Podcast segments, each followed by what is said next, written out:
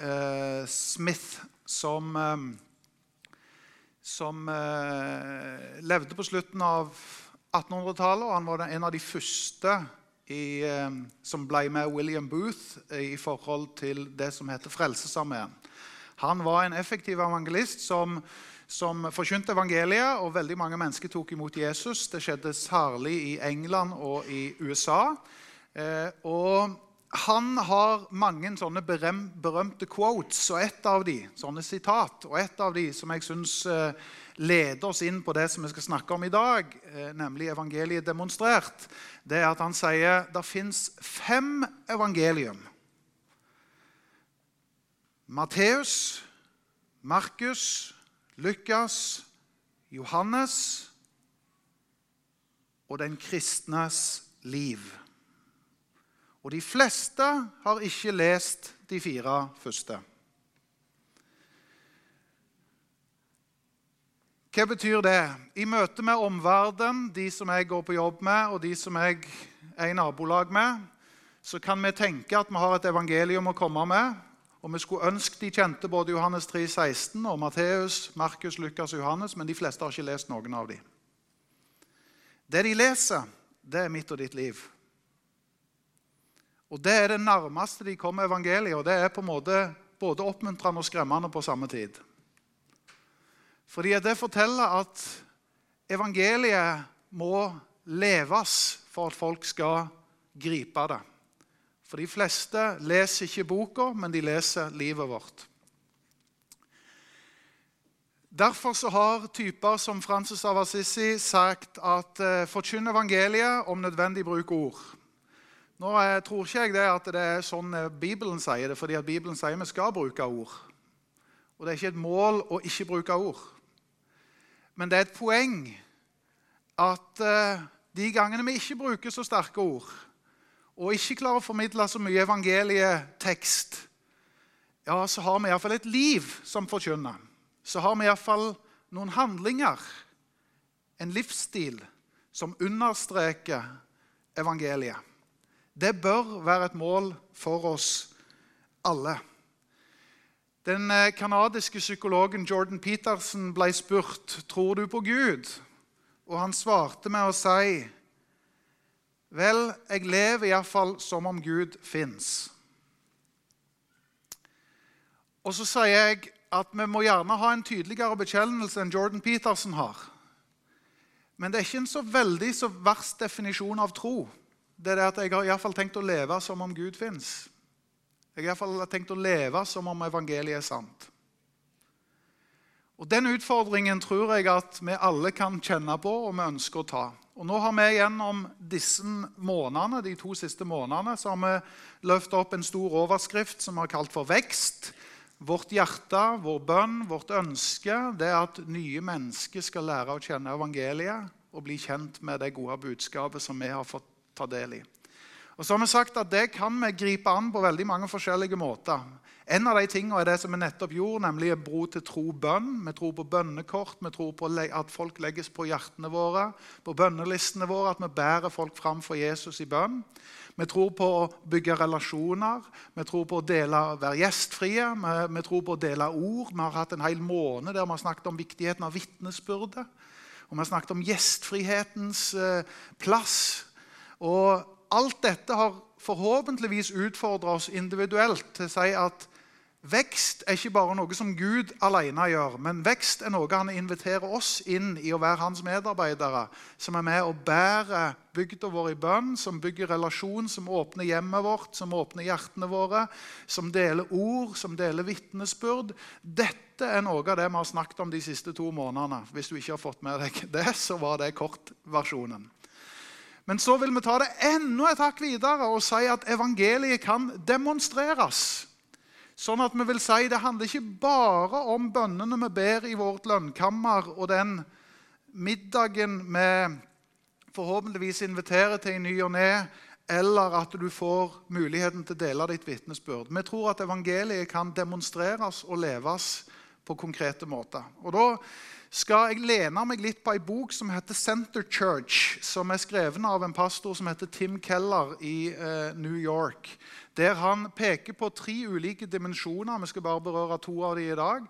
Men han snakker om kirka, altså menigheten, oss, som ei opp-ned-kirke og ei innsiden-ut-kirke og ei framover-tilbake-kirke. Nå var det veldig sånn OK, hva betyr det?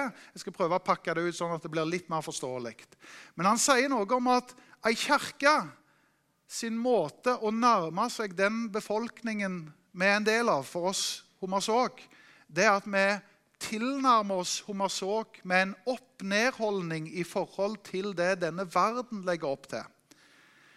I praksis så betyr det å ha en tjenende kjærlighet.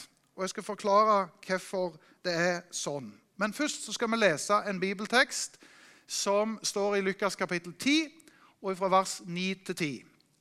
1 til 10. 9, mener jeg. Lukas 10, vers 1 til 9.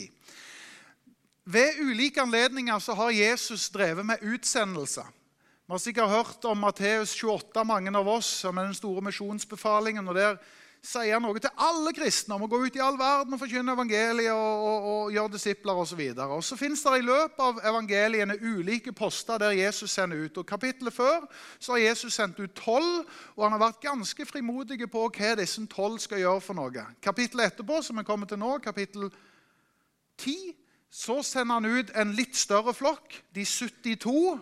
Altså det er en litt større flokk, og han er litt mindre presis på noen ting. fordi at I Lukas 9 så står det bl.a. at vi skal drive ut demoner, og vi skal, vi skal eh, til og med vekke opp døde. Det nevner han ingenting om her i Lukas kapittel 10. Men han, han, eh, han eh, tar for seg 72 stykk som har vært sentrale. Og så sender han de ut to og to til hver by, til hvert sted de skulle besøke. Og så sier han til dem Høsten er stor, arbeiderne få. Be derfor høstens herre om å sende ut eller drive ut arbeidere for å høste inn grøten hans. Han sier, 'Gå av sted, jeg sender dere som lam blant ulver.' Ta ikke med pengepung, ikke veske, ikke sko. Stans ikke på veien for å hilse på folk. Det er ganske utidig, men sånn er det. Men når dere kommer inn i et hus, skal dere først si 'Fred være med dette hjem'. Og bor det et fredens menneske der, skal freden deres hvile over han, og hvis ikke, så skal den vende tilbake til dere selv. Bli boende der i huset og spis og drikk det de byr for dere. For en arbeider er sin, verdt sin lønn. Flytt ikke fra hus til hus. Og når dere kommer inn i en by, og de tar imot dere, så spis det de setter fram for dere. Helbred de syke, og si Guds rike har kommet nær til dere. Her er det massevis av utfordringer og ganske mye uforståelig stoff. som vi liksom tenker Kan dette stemme? Skal vi virkelig være så utidige? Skal vi ikke pakke med oss noen ting. Eh, vel, la oss iallfall kontekstualisere det litt og si at dette er den aller første misjonsreisen som Jesus sender ut eh, flokken på. Og de skal tydeligvis på en reis, og det er ting her som eh, make sense inn i, fram, inn i konteksten av deres tid, men som ikke er så relevant for oss. på en måte. Her står det jo om å ikke pakke med seg, altså ikke pakke kofferten f.eks. Eh, sånne ting har en betydning, og vi kunne gått inn på detaljene. Blant annet så sto det i, i, den gamle jødiske læreboka Talmud at når de skulle gå og tilbe, så skulle de ikke pakke med seg greier. De skulle komme enkelt, og de skulle bare være seg sjøl innenfor Gud. Og, eh, noen har tolka det som at du skal, du skal gå, gå, uten sko, du skal bare gå med bare føtter. Altså, det er mange ting vi kunne gått inn på i detaljer her som på en måte ikke er sånn superrelevant for oss å se. Men jeg har lyst til å spørre, hva er det jeg henter ut av en sånn en tekst som det der?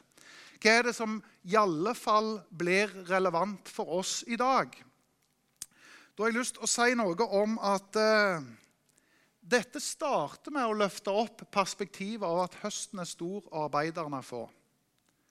Og Ved flere anledninger i Nye testamentet så står nettopp det begrepet at uh, folkens, det er fullt mulig å vinne mennesker fra himmelen.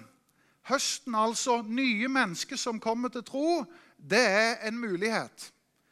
Og Ved en anledning en annen plass i Johannes kapittel 4 så var folk sin oppfatning at jo, nei, ennå er det mange måneder til innhøstning. Det kan ikke skje nå.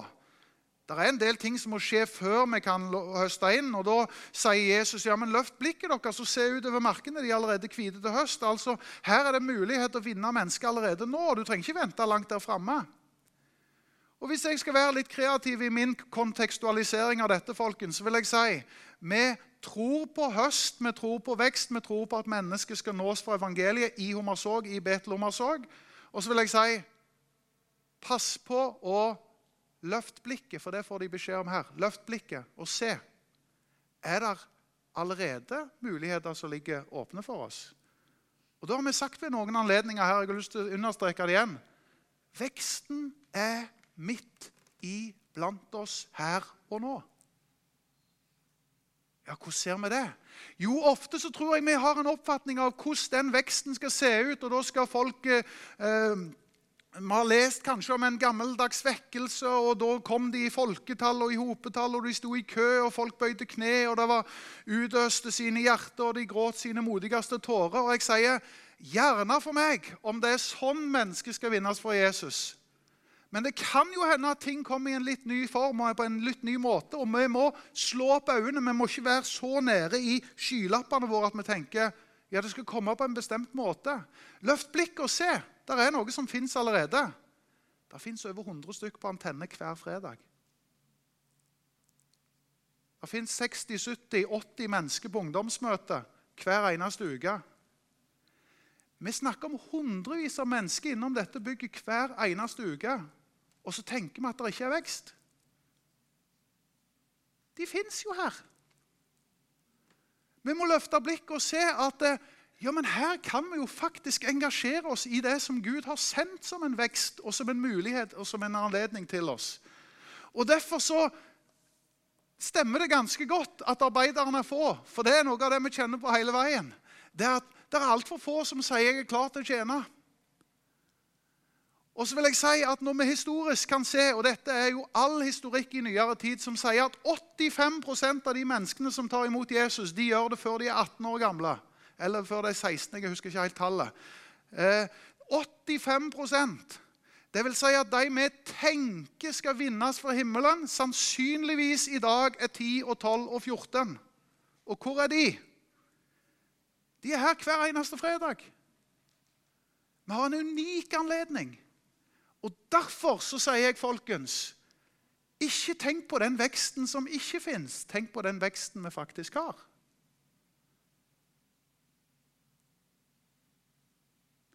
Halleluja, tenker jeg. For en mulighet til å og bringe inn mennesker og betjene og bry oss om. Det er vekst. Og det fins midt iblant oss. Så står det jo videre her, hvis jeg skal bringe inn noen nye moment, så er det jo dette at vi skal være en opp-ned-kirke. En opp-ned-kirke det kan tolkes med litt mer forståelige ord som at vi kommer med en tjenende kjærlighet. Opp-ned fordi at de fleste mennesker er opptatt av å bli sett og bli anerkjent, av å bli tjent, av å få oppmerksomhet. Mens Bibelens opp-ned-tenkning er at Jesus Kristus kom for å tjene. Og I det så skal vi få lov å være et grensesprengende fellesskap. Jeg vil påstå at Den kristne kirke i sin rette drakt og form er det mest inkluderende fellesskap i verden. Fordi at Fellesskap er noe som er veldig viktig. Og De fleste av oss er skrudd sammen sånn at vi liker å være sammen med folk vi trives med, og som vi syns det er greit å forholde seg til. Det er mange i dette rommet her som naturlig nok Ikke sånn at jeg vet det i detalj, men det vil være sånn når det er mange mennesker, at vi er så ulike at vi egentlig ikke passer sammen sånn. Altså, Vi kan gå hverandre på nervene, og vi kan frustreres av hverandre. og Vi kan tenke, vi passer egentlig ikke sammen. og det kan til og med, Hvis jeg henger for mye med deg, så går det utover mitt image. og Jeg vil helst ikke bli sett med feil folk, fordi at de passer jeg ikke helt i, i, i sammen med. Guds menighet er det mest grensesprengende fellesskap som fins. Her er det rom for alle mennesker. Kulturer, etnisitet, kjønn, alder. Det er verdens mest inkluderende fellesskap. Og Det bør vi ha som en rettesnor, fordi at måten å vinne mennesket fra himmelen på, det er å være ei opp-ned-kirke. Å være tjenende i vår holdning og være inkluderende og rause. Så vet jeg at det kan være krevende og vanskelig innimellom, men det er sånn Jesus viste oss. Jesus ble kalt for tolleres og synderes venn. og For oss som ikke lever med at tollere er et problem, så kan vi ikke helt skjønne det. Men det var jo de utstøtte, de uglesette, de som var sett ned på. Og Jesus ble kalt venn med disse. Og den hedenske kommentaren som nådde de første kristne, det var 'se hvordan de elsker hverandre'. Det var ikke ironi. Det var, det, var, det var, faktisk sånn de opplevdes.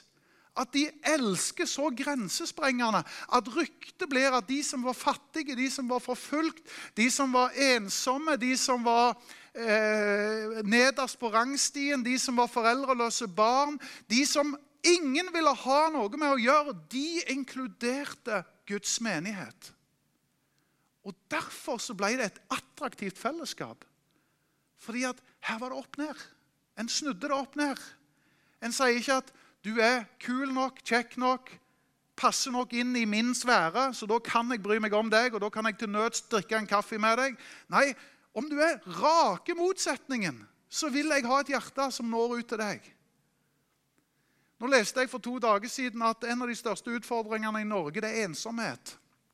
23% av alle som bor i Oslo, opplever seg eksistensielt ensomme. Har ikke relasjoner. Det ligger litt under 20 ellers i landet. Men tenk at én av fem i Hommersåk er grunnleggende ensom. Ikke føler de har noen som de kan virkelig være seg sjøl rundt. Det er jo kritisk. Og Så sier jeg, hva er svaret på det? Det er Guds menighet. Som demonstrerer evangeliet, som lever evangeliet. Som sier vi har plass til en mer. Her er det rom, her er det plass. Vi vil gjerne inkludere deg i vårt liv. Og Så skjønner jeg at det er grenser for hvor mye vi kan nå over. og sånne ting, Men den holdningen av at vi ikke ser ned på noen eller tenker at noen ikke passer inn, men tenker at her er det faktisk rom for alle, det er evangeliet demonstrert. Det er å være ei opp-ned-kirke. Jeg syns jeg preker bra at jeg ikke har forberedt meg.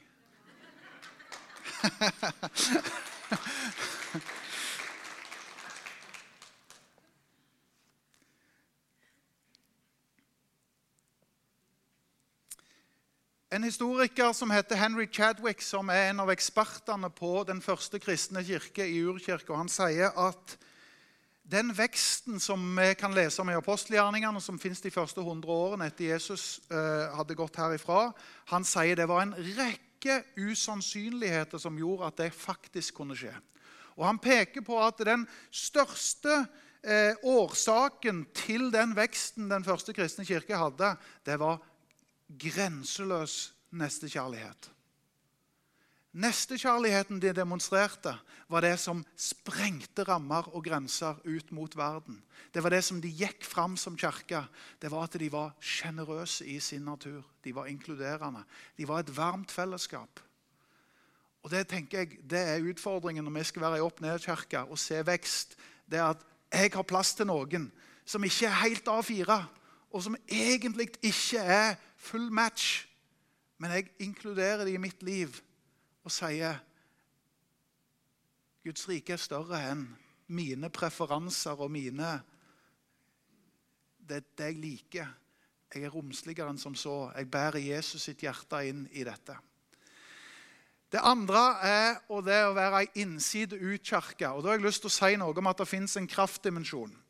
Jeg vet ikke om dere la merke til at I den teksten vi leser i Lukas kapittel 10, så sto det noe om at eh, gå inn og spis og drikk og ta, imot det dere serveres, og slå dere til ro. Og, eh, samtidig så sto det sånne ting som at eh,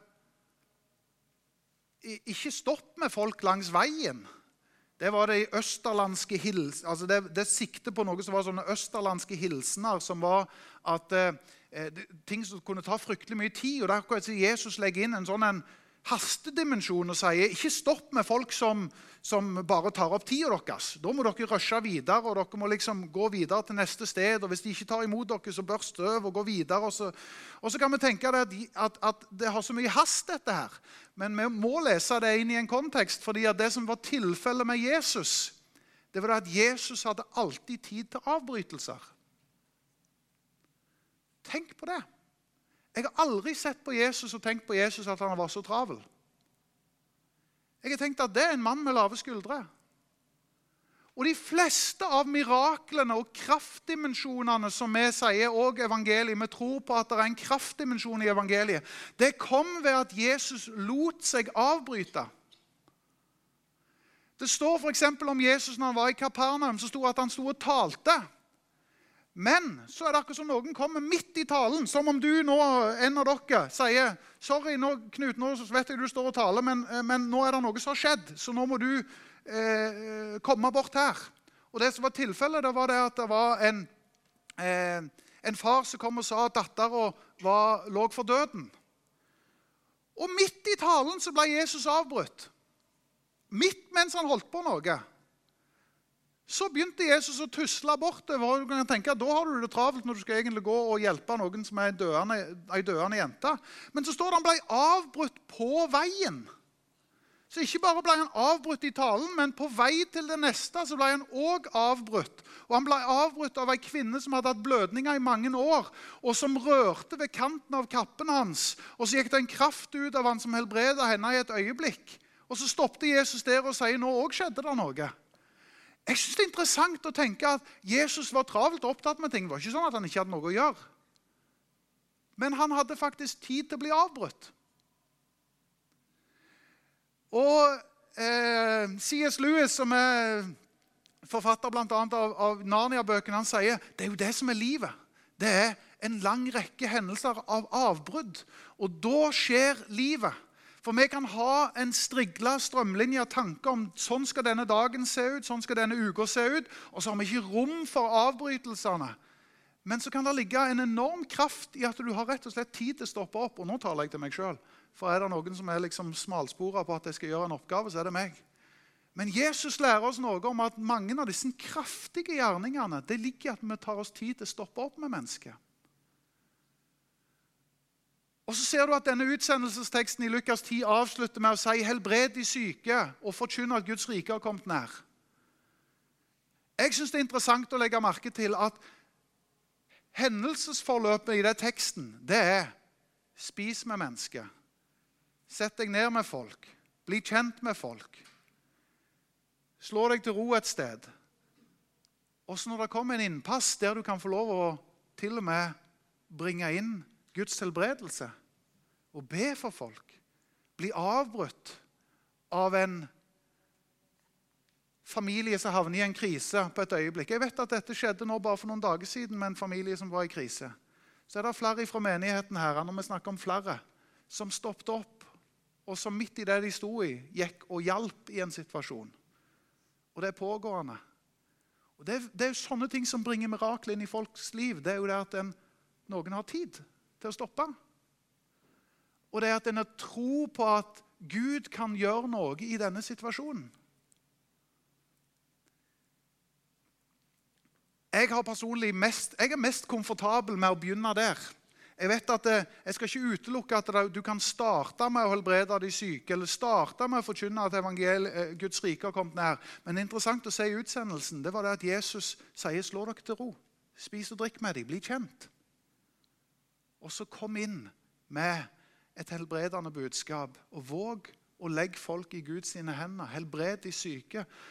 Derfor har jeg, For å øve meg på dette så har jeg ut, Dere har sikkert sett at når jeg går rundt, så går jeg sjelden uten to ting. Mobiltelefonen og veska. Jeg har alltid med meg veska. Og i veska mi det er litt sånn damete nesten, for de har jo mye sånne ting i veskene. Men eh, i veska mi der er det liksom Ja, hva tror du? Datamaskin og arbeid og ting og tang jeg kan jobbe med. og greier. Men så har jeg ei lita salveflaske. Og Den minner meg om at når jeg kommer i situasjoner der det er naturlig, så vil jeg òg tro at det er noe overnaturlig som kan skje. Altså Naturlige situasjoner av å spise og drikke, Du møter folk, du bygger relasjon. Du er på et sted, du er i et nabolag. Du bygger en relasjon over tid. Det naturlige tingen som du kan gjøre, så kan du også tenke at evangeliet har en kraftdimensjon som ikke handler om at jeg klarer å overtale, eller nå har jeg bedt til kramper tok meg, og jeg har invitert og vært så gjestfri, og nå har jeg delt vitnesbyrdet mitt. og Du kan tenke at nå har jeg gjort alt. Men så er det noe som er forvandlingen i Guds dynamis, dynamittkraften fra himmelen, som er evangeliet som demonstreres. Og Da tror jeg vi kan utfordres gjennom å gjøre enkle grep. For meg har den oljeflaska vært et sånn et øyeblikk som gjør at det, det er nesten som en påminnelse. Har ikke du ei oljeflaske i den veska di? Kan ikke du ta og tegne et kors i pannen på denne hvis de er åpne for å bli bedt for, og være med å be for dem i den situasjonen de er? Og så må jeg være ærlig og si at Noen ganger glemmer jeg det, noen ganger er jeg for feig, andre ganger gjør jeg det. Men det å utfordre seg sjøl til å si at evangeliet er ikke bare noe som snakkes, men det er noe som demonstreres i kjærlighet og i kraft. Og dette er den ånd Gud har gitt dere, sier Bibelen.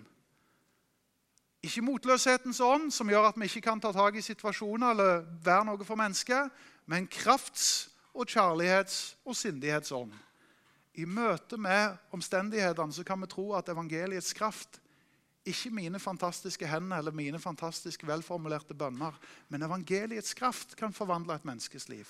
Kjærligheten fra himmelen, der vi strekker oss ut til noen som trenger vår utstrakte hånd, det kan forvandle et menneskes liv. Evangeliet kan demonstreres. Og Der avslutter jeg og spoler helt tilbake igjen til begynnelsen og sier Det fins fem evangelium. Fire leser nesten ingen, men ditt liv, det leses. Og der kan vi alle ta en utfordring om å leve evangeliet. I forlengelsen av denne samlingen og møtet så syns jeg det er naturlig å ikke bare snakke om kraft og kjærlighet, men jeg har lyst til å si høsten er stor. Arbeiderne er litt for få. Derfor så ber vi høstens herre om å drive ut arbeidere. Og Hvis du ikke har lyst til å åndeliggjøre det for mye, men har lyst til å ta det praktisk, så går det an å komme til oss og si jeg melder meg til tjeneste. Du kan komme til Mikael, du kan komme til Miriam, du kan komme til meg.